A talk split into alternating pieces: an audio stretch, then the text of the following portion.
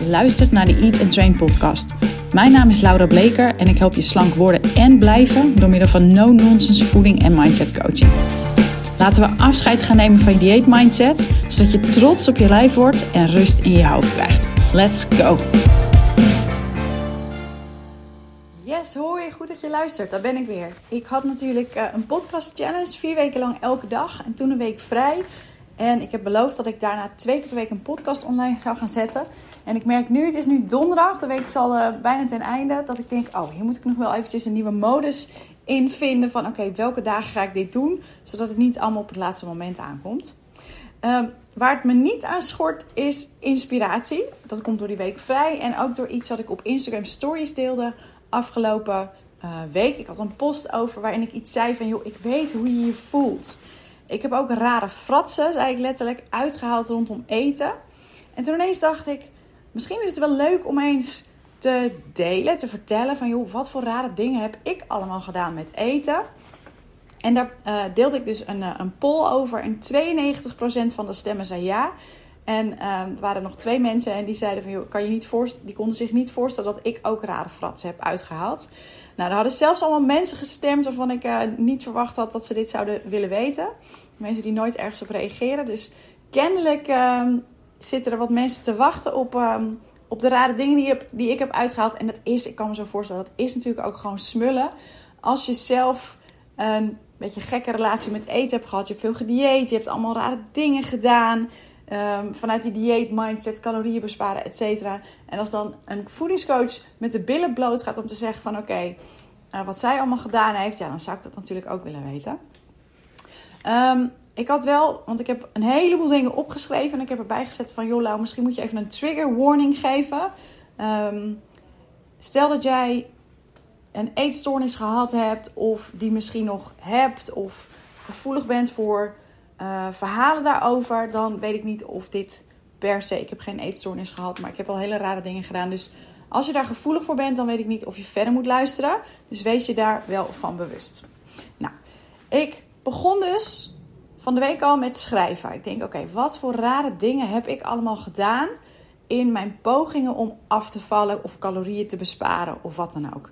En nou, ik heb uiteindelijk ik denk wel vier kantjes vol kunnen schrijven. Dan heb ik nog niet eens een specifieke situatie helemaal uitgeschreven, maar gewoon dingen die ik gedaan heb. En het begon eigenlijk al met tienerjaar. Ik zal daar een paar voorbeelden van geven en dan iets van later. Want dit zijn misschien, ja, ik weet niet of het tienerdingen zijn.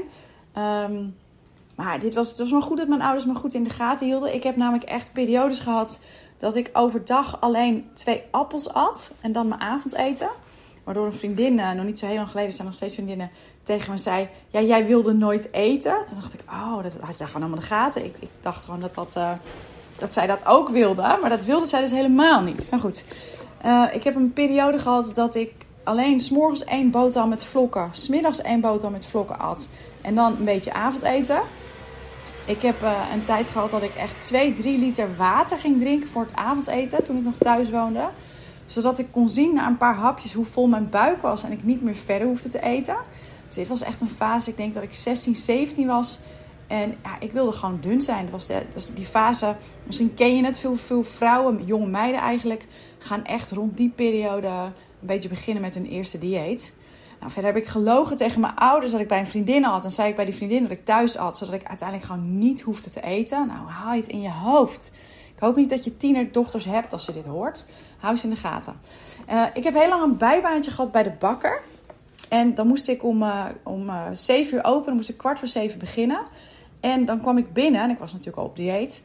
En dan kwam ik binnen en dan stonden de schappen daar, die moest ik uitruimen. En dan had ik met mezelf afgesproken dat ik die dag niet van de taartjes of de muesli rondes hadden of weet ik veel wat zou snoepen. En had ik gewoon voor zevenen, terwijl ik me voornam om het niet te doen, al een roombroodje naar binnen gewerkt. Echt gewoon een puddingbroodje voor zevenen. Zo van ik doe het niet, ik doe het niet. Hop, voor zeven uur s morgens een roombroodje naar binnen. Nou, dat soort hele gekke dingen.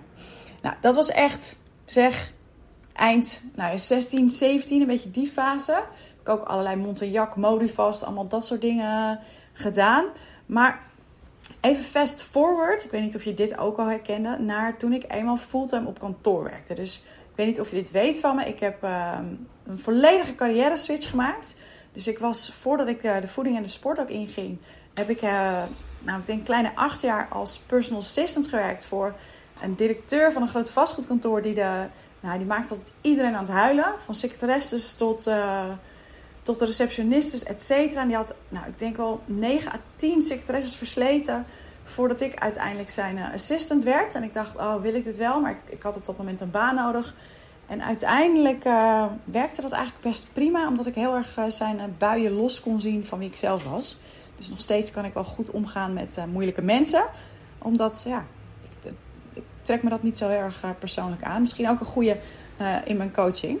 Maar wat me te binnen schoot toen ik aan deze fase van mijn leven dacht, was was het eerste wat naar binnen... Zo, dit gaat lekker. Het eerste wat me naar binnen schoot was dat ik echt een tijd een chocoladeverslaving heb gehad. Dus ik weet niet of je van die kleine kinder uh, chocoladereepjes kent. Die altijd bij de kassa van de Albert Heijn liggen. Nou, die had ik standaard in mijn tas zitten. Waren die dingetjes van, geloof dat ze toen 35 cent kosten. Je, je hebt ze nog steeds bij de kassa liggen. En als ik ze dan niet had, dan werd ik onrustig. En had ik daar echt een beetje stress van dan ging ik ze halen. Dus die zaten gewoon altijd in mijn tas zodat ik dat kon pakken als ik dacht: oké, nu, nu moet ik dat eten. Tot op het moment dat ik op een gegeven moment alles, was zomer, dat alles in mijn tas onder de chocola zat. Van die gesmolten reepjes, want er zaten er altijd minimaal nog twee of drie in mijn tas. En ik me afvroeg wat ik in hemelsnaam aan het doen was. En toen ben ik daar uiteindelijk nog wel mee gestopt. Maar ja, toen was ik dus al begin 20. Vervolgens was er een fase waarin ik door de week heel streng was ging ik door de week niet snoepen, voornamelijk groente als avondeten eten. Had ik door de week dus max één boterham als ontbijt. En dan ging ik in het weekend helemaal los. Dus echt een barbecue of een etentje met vrienden. En dan niet kunnen stoppen met eten. En er moest ook altijd een dessert zijn. En zelfs de mannen uit de vriendengroep wisten dat als zij boodschappen deden, dat er. Uh, er moest natuurlijk bier gehaald worden voor iedereen. Maar er moest ook chocola komen als ik er was. Want ik moest chocola na het eten. Het is toch te, te zot voor woorden als ik dit allemaal zo uitschrijf. Nou, toen ik even, ik ga er heel snel door, want echt, ik denk dat de meest herkenbare situaties uh, iets later komen. Want toen ik 29 was, toen uh, vertrok ik naar Australië voor um, uit, in eerste instantie een working holiday. Op het nippertje. Ik wilde eigenlijk al veel eerder, maar er wilde niemand met me mee. En het heeft tot mijn 29 een jaar voordat de, uh, de, de leeftijdsgrens is, uh, had ik eindelijk moed verzameld om dat dan maar in mijn eentje te gaan doen. En ik ging met uh, 60, zo'n 60, 62 kilo vertrok ik. En ik kwam uiteindelijk thuis en ik woog zo'n 70 kilo. En ik voelde me echt niet happy. Los niet, niet alleen van mijn gewicht en hoe ik eruit zag. Maar ook gewoon weer terug in Nederland. Ik ben dus uiteindelijk uh, ik ben verliefd geworden daar. Ik ben daar bijna twee jaar gebleven. Uh, voordat ik me realiseerde van joh, ik mis gewoon mijn vrienden en mijn familie te veel. En ik kan hier toch niet helemaal aarden. Dus ik ben teruggekomen. En het heeft echt een tijd geduurd voordat ik me gewoon weer oké voelde in Nederland. En in die periode heb ik uiteindelijk besloten van... joh, ik ga me helemaal focussen op sporten en op eten. Nou, dat ging uiteindelijk, doordat ik alleen dat nog eigenlijk deed... alleen dat leuk vond ook... ging het als een trein en die controle over mijn lijf en het afvallen... die deed me echt fantastisch voelen. Dus ik ben destijds 15 kilo afgevallen door te tracken. Ik weet niet of ik ook die foto nog op mijn website heb staan. Dan zie je echt dat ik uh, op een foto sta, een klein beetje voor mijn doen chubby... Um, dat ik echt een handdoek ook voor me hou. Voelde me niet heel blij, durfde me echt niet in bikini te laten zien. En een foto dat ik dus 15 kilo lichter ben. Dat je echt ook uh, bij mijn borsten de botjes er doorheen ziet. Doel was destijds een strakke buik. Nou, helaas uh, voor mij is die niet weggelegd. Je zag op een gegeven moment op mijn schouders en op mijn heupen aders lopen. Maar ik had nog steeds niet die strakke buik. Dus ik heb me er inmiddels bij neergelegd uh, dat dat voor mijn bouw niet is weggelegd. En dat dat alleen kan als ik zoveel spiermassa opbouw dat als ik zo droog zou trainen, dat, um, dat, dat er nog in ieder geval iets van me overblijft. En heel eerlijk, heb ik er niet voor over. Dan maar een heel klein buikje. Of een zacht buikje. Ligt er ook een beetje aan wat ik weeg precies. Maar de, de sixpack die ik ooit wilde hebben, dat heb ik echt al heel lang achter me gelaten. Maar goed, 15 kilo afgevallen dus. En daarna begon de pret. Want ik was toen wel echt wel, wel vrij mager. Dus mocht wel ook iets. Ik wilde wel iets zwaarder zijn. En wat deed ik in die periode? Ik ehm, was heel erg aan het cardioen. Dus ik deed boksen, spinnen, hardlopen. Alles, alle groepslesjes deed ik om maar ehm, calorieën te verbranden. En uiteindelijk ben ik toen met een personal trainer aan de gang gegaan. Omdat ik zei, joh, ik wil niet minder sporten, maar ik wil ehm, niet meer aankomen. En toen heeft hij me, hij zegt, jouw lijf is zo, zo van slag. Dus hij heeft me toen, ik zat op 1200 calorieën, heeft hij me naar 2500 calorieën gezet. En ik heb een fase gekend waarin ik echt, ik wilde het natuurlijk meteen helemaal goed doen. Dus tegen heug en meug dat op zitten eten. Nou, vanaf dat moment ben ik uiteindelijk wel wat ook in spiermassa aangekomen. Was ik niet zo mager meer. Maar vanaf dit moment begonnen eigenlijk de fratsen waar ik het over had in die stories. Dus als je hier bent om te smullen van de fratsen die, die deze voedingscoach heeft uitgehaald. Nou, eat your heart out. Ehm, wat ik gedaan heb aan dingen is eten. Dus vooral snoepen. Dus denk chocola, koek, taart, paaseitjes. Ik ben een zoete snoeper, niet het hartige. Kopen, deels opeten, me vies voelen, dan in de prullenbak gooien. Zo van, joh, ik ben zat, bah, veel te veel calorieën. En het dan gewoon uit de prullenbak vissen. En het een beetje schoonmaken of afspoelen. En het dan gewoon opeten. Ja, dus dat is de eerste, gênant. Of ehm, in een tijd dat ik heel veel aan het tracken was, heb ik wel gepresteerd om bijvoorbeeld naar een barbecue te gaan. En dan alleen maar water te drinken en niet te eten. En dan steeds met andere mensen gaan praten, zodat het helemaal niet opviel bij vrienden dat ik helemaal niets at en niets dronk. Kun je nagaan hoe druk ik ermee was. Uh, wat heb ik nog meer gedaan? Ik heb uh, een tijd gehad dat ik, s'morgens, dat ik alleen een paprika in mijn tas deed.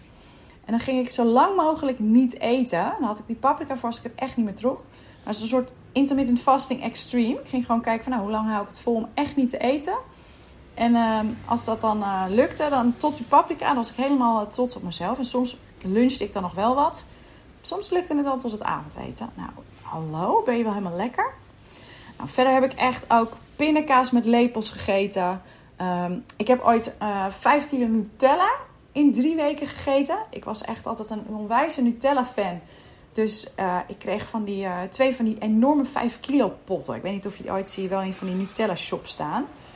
Nou, na die, um, die ene pot, die ik dus in drie weken leeg gelepeld heb, 5 kilo, was die bijna, nou ja, er zat nog echt een heel klein laagje in. Toen dacht ik, wat heb ik gedaan? Heb ik die andere pot op het werk gezet. En dit is trouwens iets, hè, die Nutella is iets dat ik nog steeds niet in huis haal.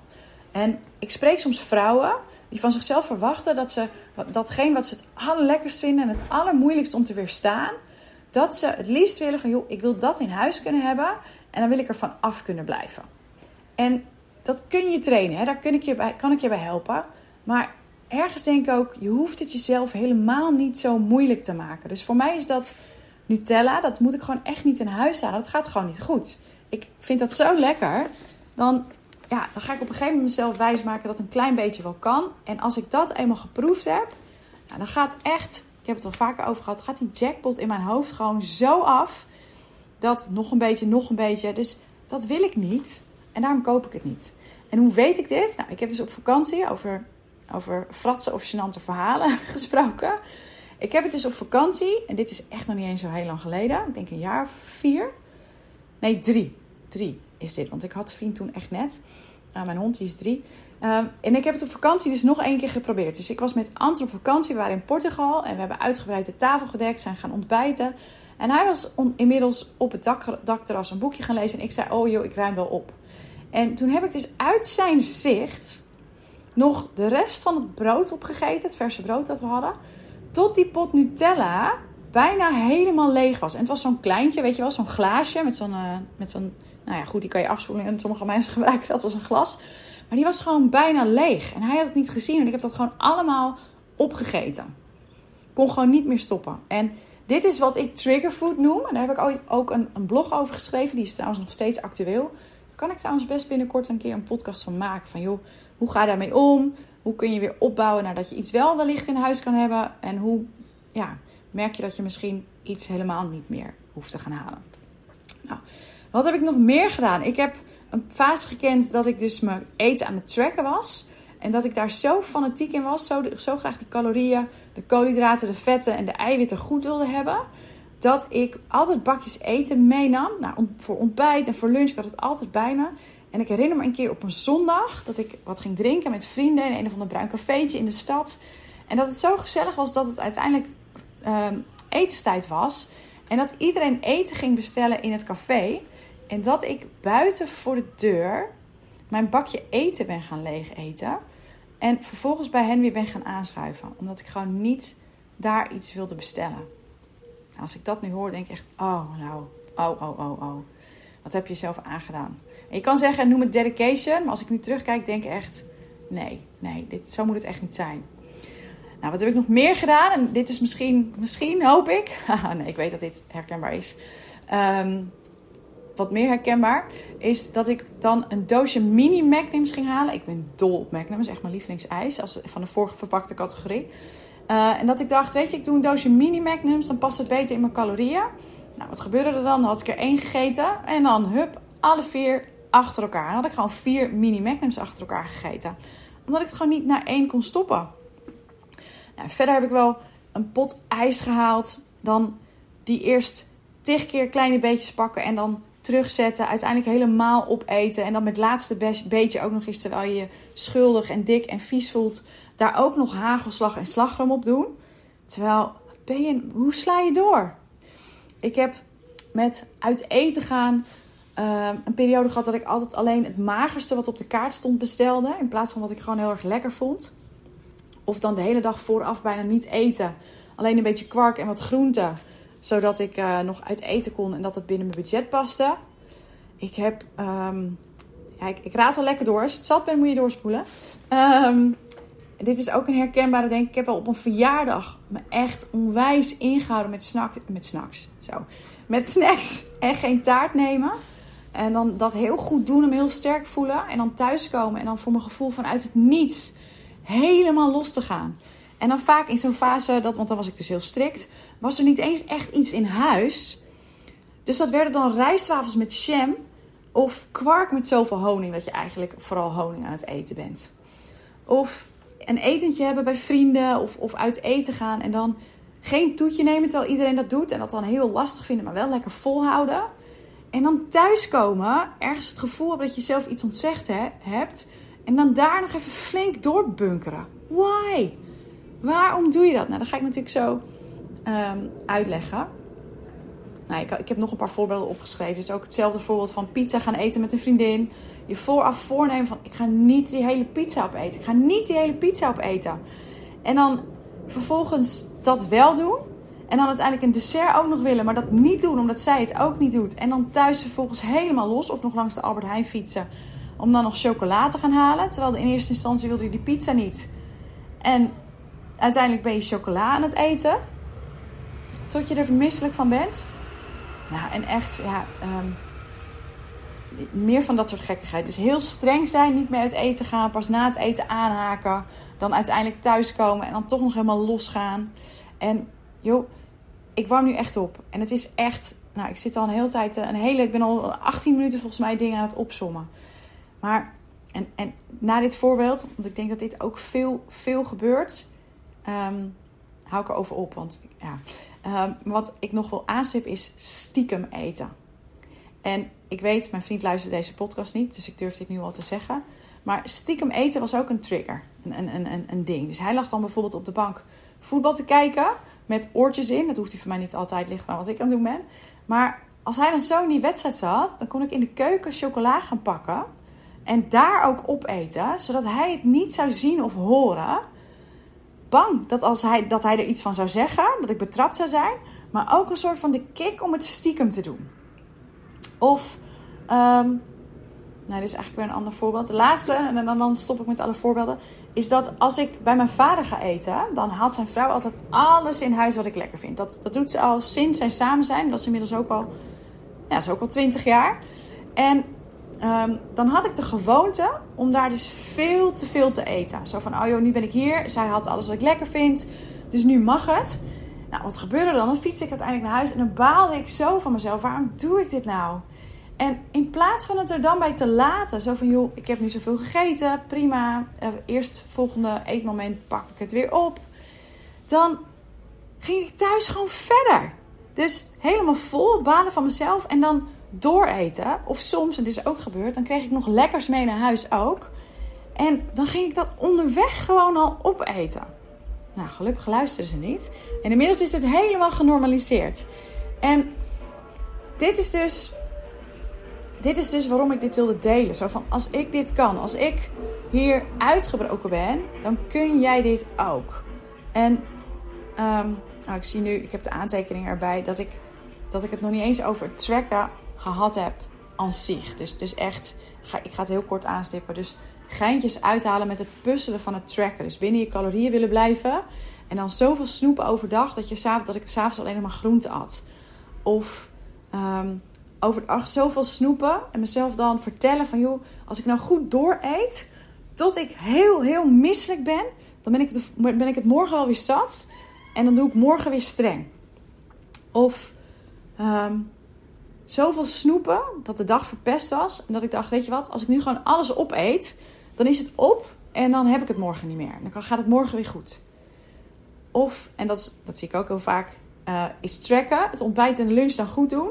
Daarna gaat het mis en dan gewoon uh, de rest van de dag niet meer invullen en, en veel te veel eten en dan de volgende dag opnieuw. En het was wel vanuit het tracken dat steeds misging en het morgen opnieuw wilde beginnen. Waardoor ik erachter kwam van joh, dit kan niet zo. En ik weet niet of ik het al op de podcast ooit ehm, heb verteld of dat je het van me weet. Maar ik had op een gegeven moment best wel al een steady gewicht te pakken. Het ging ehm, met hier en daar dit soort incidenten. Kon ik eigenlijk mezelf wel op een stabiel gewicht houden. Dus als het dan even een tijdje misging, dan, dan lukte het tracken op een gegeven moment wel weer. Ik zal je zo ook vertellen waar dat dan door komt. En um, uiteindelijk is er vorig jaar bij mij, nee, niet vorig jaar, dit is al ruim 2,5 jaar geleden, um, is er een histamine-intolerantie bij mij uh, geconstateerd. En ik kon geen gluten meer eten en geen ei. En nou ja, goed. Lang verhaal kort, ik kon heel, heel, heel veel dingen niet meer eten. En ik heb de eerste keer echt met de tranen in mijn ogen in de Albert Heijn gestaan, want er gewoon echt niet heel veel meer overbleef. En toen besloot ik, in samen met, samenwerking uh, met uh, die dame die mij hier begeleidde, van joh, ik ga helemaal niet meer letten op calorieën of op, op um, nou ja, wat waarin zit. Ik, focus gewoon eerst eens op van die opgeblazen buik af te komen. En te kijken naar wat ik wel nog kan eten. Nou, kunt je zo voorstellen dat uh, ik kon echt glutenvrije pasta eten met kip zonder kruiden. Klein beetje roomkaas voor de smaak en een beetje zout. En volgens mij met courgette of broccoli had ik dat vaak. De groentes die dan nog wel gingen. Nou, ik, je kan je voorstellen dat ik me dus best wel zielig vond. En um, dat heeft geleid tot het punt dat ik een aantal maanden later in de spiegel keek en dacht: Nou, heb je nou een opgeblazen buik? Of ben je nou gewoon dik geworden? Nou, ik ging dus op de weegschaal staan, wat ik destijds helemaal uh, niet echt meer deed. En toen kwam ik erachter dat ik dus inderdaad dik geworden was. En toen besloot ik van, joh, oké, ik ga weer tracken. Dat is wat werkt. Als ik dat stik doe, dan gaan die kilo's er vanzelf af. Nou, vervolgens ontstonden dus allerlei van die dingen die ik net vertelde. Van de, de, de geintjes met het puzzelen met, uh, met de calorieën. En van daaruit, dus ik was wel 4 kilo afgevallen. Ik wilde er nog een paar kilo af. En dat lukte gewoon steeds niet. Het ging steeds weer mis. En steeds weer zei ik tegen mezelf: morgen of maandag, dan ga ik echt weer, dan ga ik er echt weer tegenaan. En het mooie is, ik weet wat ik moet doen. Ik weet wat werkt voor mij. Dat was dat tracken, een klein beetje koolhydraten beperken. En notabene hielp ik andere vrouwen hierbij. En ik weet wat mijn habit loops, mijn gewoontes zijn. Ik weet dat ik eet als ik mezelf zielig vind. En jezelf zielig vinden is vaak niet een... Oh, oh, oh, wat vind ik mezelf zielig. Hè? Dat gaat echt veel subtieler. Zo van... Oh, ja, nee, dat heb ik wel verdiend. Of... nou, op mijn eten letten kan ik er niet ook nog bij hebben, hoor. Ik denk dat je dat herkent trouwens.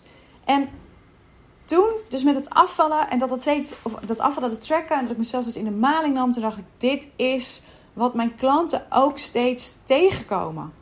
En ik ben erin gaan duiken. Hoe komt dit?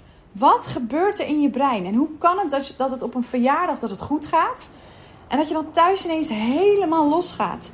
En waar komt die fixatie op eten vandaan? En hoe kan het dat voor sommige mensen makkelijk lijkt te gaan? Die kunnen een taartje na een paar happen eh, afgeleid te zijn even vergeten. Of die kijken niet eens naar het koekje bij de koffie.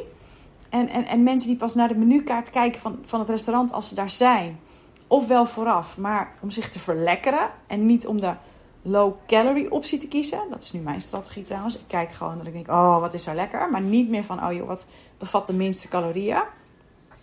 En hoe kan het dat je dus weet wat je moet doen, want het is je eerder gelukt, dat afvallen, maar dat het je niet meer lukt?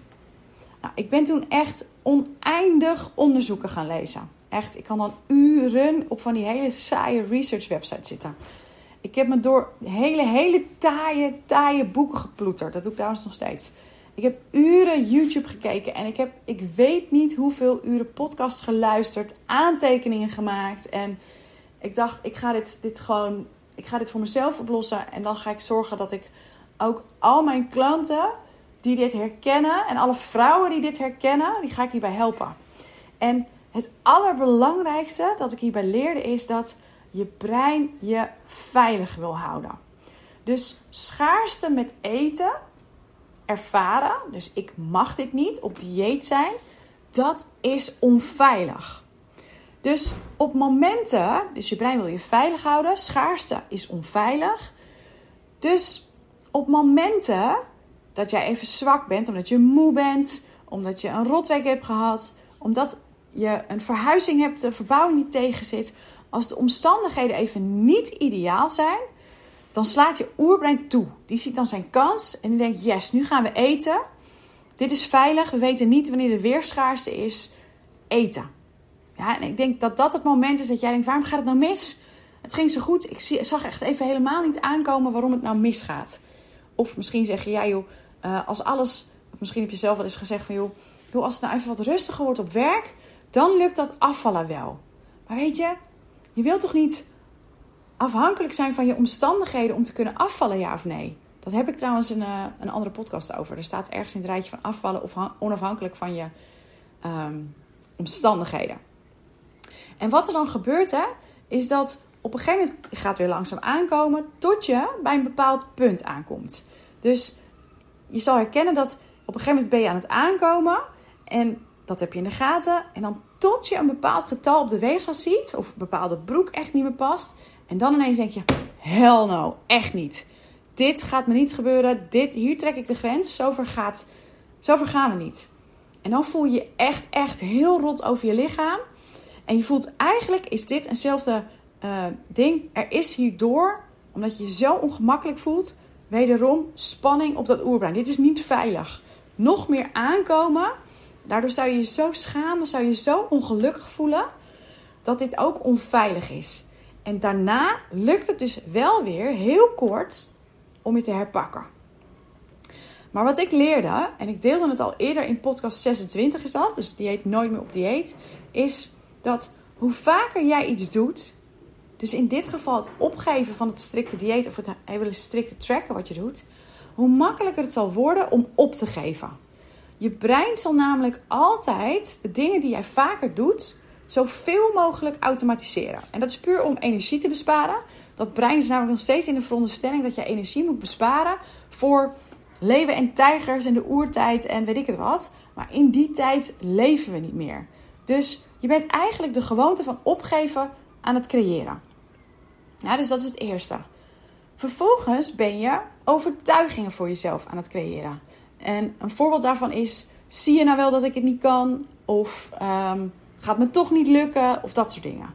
En je brein werkt ook zo dat wat jij als werkelijkheid ervaart, dat is in lijn met je overtuigingen. Dus een simpel voorbeeld is dat als jij ineens een paar schoenen veel ziet bij mensen, dan zie je vervolgens die schoenen nog bij veel meer mensen. Of wat ik ook nog wel eens als voorbeeld geef, is uh, dat ik ooit in Vietnam op reis was. En toen was ik mensen tegengekomen en die zeiden: joh, dat dorp ja, waar je nu heen gaat, ja, daar zitten allemaal Russen. En vervolgens was ik daar. Ik liep daar rond en ik dacht dat iedereen Russisch was. En ik vond de taal een beetje harsh. Of, of, een beetje, ja, nou ja, ik weet niet zo goed hoe ik dat moet omschrijven in het Nederlands. Uh, en ik dacht dat ze overal waren. Tot ik dit uitsprak naar de vriend waar ik mee op vakantie was. En die zei, ik ken helemaal geen Russen. Hoe kom je daarbij? Nou, dat is dus precies wat je brein doet. Die dingen die jij gelooft, een overtuiging die jij hebt, dat is wat het als werkelijkheid uh, ervaart. Dus als jij tegen jezelf zegt en de overtuiging hebt van, joh, zie je nou dat ik het niet kan, omdat dat steeds gebeurt, of ik hou het toch niet vol, dan ga je dat geloven en dan ga je, ga je onbewust die werkelijkheid voor jezelf creëren. Nou, dan de laatste. Dat is dat je spanning creëert voor je brein elke keer dat jij iets niet mag van jezelf. En dit is misschien wel de aller, allerbelangrijkste. Dus als jij gemotiveerd bent, dus je wacht van jezelf, even plat gezegd, dan val je af op wilskracht. En daarmee hou je je oerbrein, het deel van je brein dat eten altijd een goed idee vindt, onder de duim. Maar dat is niet weg. Dus, dus, dus je duwt dat weg, maar het is niet verdwenen. Het ligt op de loer. Het heeft schaarste ervaren, wat ik net ook al zei. En het ligt dus te wachten tot jij die rotdag hebt. En dan slaat het toe. En jij krijgt hop, een eetbui of je vervalt in oud gedrag. Je eet veel meer dan je van plan was. En dat is wat die schaarste doet. En dat is wat er gebeurt zelfs als jij tegen jezelf zegt... Oké, op die verjaardag neem ik geen taart. neem geen taart. Op die verjaardag neem ik geen taart. En dan kom je vervolgens thuis om daar ineens, weet ik veel wat, allemaal naar binnen te schransen. Omdat je ergens schaarste voor jezelf hebt gecreëerd. Dus wat wil je dan wel? Hoe pak je dit nou aan? Je wil gaan afvallen zonder spanning op je brein. Dus zonder het gevoel van schaarste of restrictie. En, nu denk je dus natuurlijk, hoe doe ik dat dan? Dat doe je door goed voor jezelf te zorgen. Door te eten wanneer je honger hebt, lekker te eten, voedzaam te eten. En te gaan onderzoeken waarom je eet wanneer je geen honger hebt. Want dat jij nu zwaarder bent dan je wil zijn, ik ga er even vanuit dat je wil afvallen als je mijn podcast luistert. Dat heeft niet zozeer te maken met wat jij eet als maaltijden. Dat heeft te maken met al die momenten daaromheen. Of met al die rare fratsen die jij nu nog, net als ik, deed, uithaalt. En als je dat gaat onderzoeken, komt er van alles omhoog. Echt van alles. Van eten uit verveling, om het gezellig te maken. Van eten uit s'avonds op de bank of iets doen waar je tegenop ziet. Of eten omdat je jezelf zielig vindt. En dat, dat heb je op te lossen. En soms is het simpel, hoef je helemaal niet heel diep te gaan. Alsof je weken bij een psycholoog uh, op de bank ligt. Dat hoeft helemaal niet. En soms is het wel nodig om diep te gaan. Niet zo diep dat je echt weken bij de psych of bij mij op een bank moet liggen. Helemaal niet. Um, en ik zal hier de volgende podcast een mooi voorbeeld van geven. Past hier nu echt niet bij, wordt het echt een te lang verhaal. Maar dat gaat dan over iemand die, een klant van mij, die nu steeds niet afviel. Eh, omdat haar moeder vroeger heel erg kon uitvallen als ze, als ze boos werd. En daar heeft ze dan nu, daar, ja, daar had zij, heeft zij een manier voor gevonden om daarmee om te gaan. En dat maakt, dat gedrag, dat ze nu nog steeds niet afvalt. En dat zijn we samen aan het oplossen. Um, ik heb ook iemand die nu s'avonds um, eetbuien heeft. Die is net begonnen. Omdat ze vroeger altijd klaar moest staan voor anderen in het gezin. Ja, dus zo diep kan het zijn. Dat hoeft helemaal niet. Maar je hebt hoe dan ook werk te doen. En het zit hem sowieso niet in strenger diëten. Want daarvan ga je, ik heb er echt genoeg over verteld vandaag. Daarvan ga je gekke dingen doen. En ik kan je erbij helpen. En ik hoop niet dat met die twee voorbeelden nu over die dames en jeugd, dat ik je afschrik. Want bij lang niet iedereen ligt die aanleiding zo diep. En nogmaals, als het wel zo is, hoeven we niet die hele jeugd door te werken. Ik ben geen, uh, geen uh, psycholoog à Freud waarbij je op de bank moet. Maar je moet je er wel van bewust zijn. Dit zijn patronen die je moet veranderen. En als je niet bewust bent, kun je het niet veranderen. Zo simpel is het. Maar weet je, als je dus eenmaal doorkrijgt hoe jouw brein werkt. En je kunt met liefde en met humor ook zeggen van... Hé hey joh, dan gaat het malle brein van mij weer als je een bepaald gedrag vertoont. Dan wordt het leuk. En dan kun je lachen om jezelf. En dan doorzie je waarom eten zo vaak een goed idee lijkt, terwijl je helemaal geen honger hebt. En dan, dan wordt het makkelijk. Dan gaat het vanzelf. En misschien heb je nu het idee, nou wat ik vandaag allemaal verteld heb, van joh, uh, ik ga wel weer op dieet. Dit is te veel werk. Maar realiseer je, realiseer je echt als je dit niet eerst aanpakt, dan zul je altijd weer aankomen. Oké, ik ben uh, met mijn spreekwoordelijke billen bloot gegaan. Ik heb mijn rare fratsen gedeeld. Ik schaamde me eerst, maar eigenlijk is het eigenlijk wel heel bevrijdend om het te vertellen. En ik hoop dat je er iets aan hebt gehad. Dat je je gesterkt voelt. Je bent niet alleen die rare dingen doet. Ik denk dat er zat vrouwen zijn die dat zijn, maar eerst gewoon een beetje taboe op. En als jij dus net als ik en als mijn klanten rust wil gaan ervaren en vrijheid wil voelen rondom eten en wil afvallen, maar niet op een dieetmanier, niet meer met restricties, dan mag je me altijd mailen of een DM sturen op Instagram. En ehm, ja, dan gaan we gewoon eens kijken hoe kan ik je hierbij helpen? Pas jij bij mij? Is mijn programma voor jou? Eat and Train transformatietraject. En dat gezegd hebben, ik heb een hele, hele toffe zomeractie um, op het moment, augustus. Volgens mij staat hij nog net niet op mijn website. Dat ga ik regelen. Um, check hem out. Ik ga de link in de show notes zetten. Dus klik er even op en dan kan je zien wat een waanzinnige zomerdeal ik heb. En um, misschien dat dat ehm, voor jou een beetje de aarzeling wegneemt van hé, hey, hoe moet ik hier aan de slag? Dit was hem. Ik heb dus al een beetje weggegeven wat de volgende podcast wordt. Die ga ik ook snel opnemen. En dan, uh, dan hoor je me dan. Dank voor het luisteren.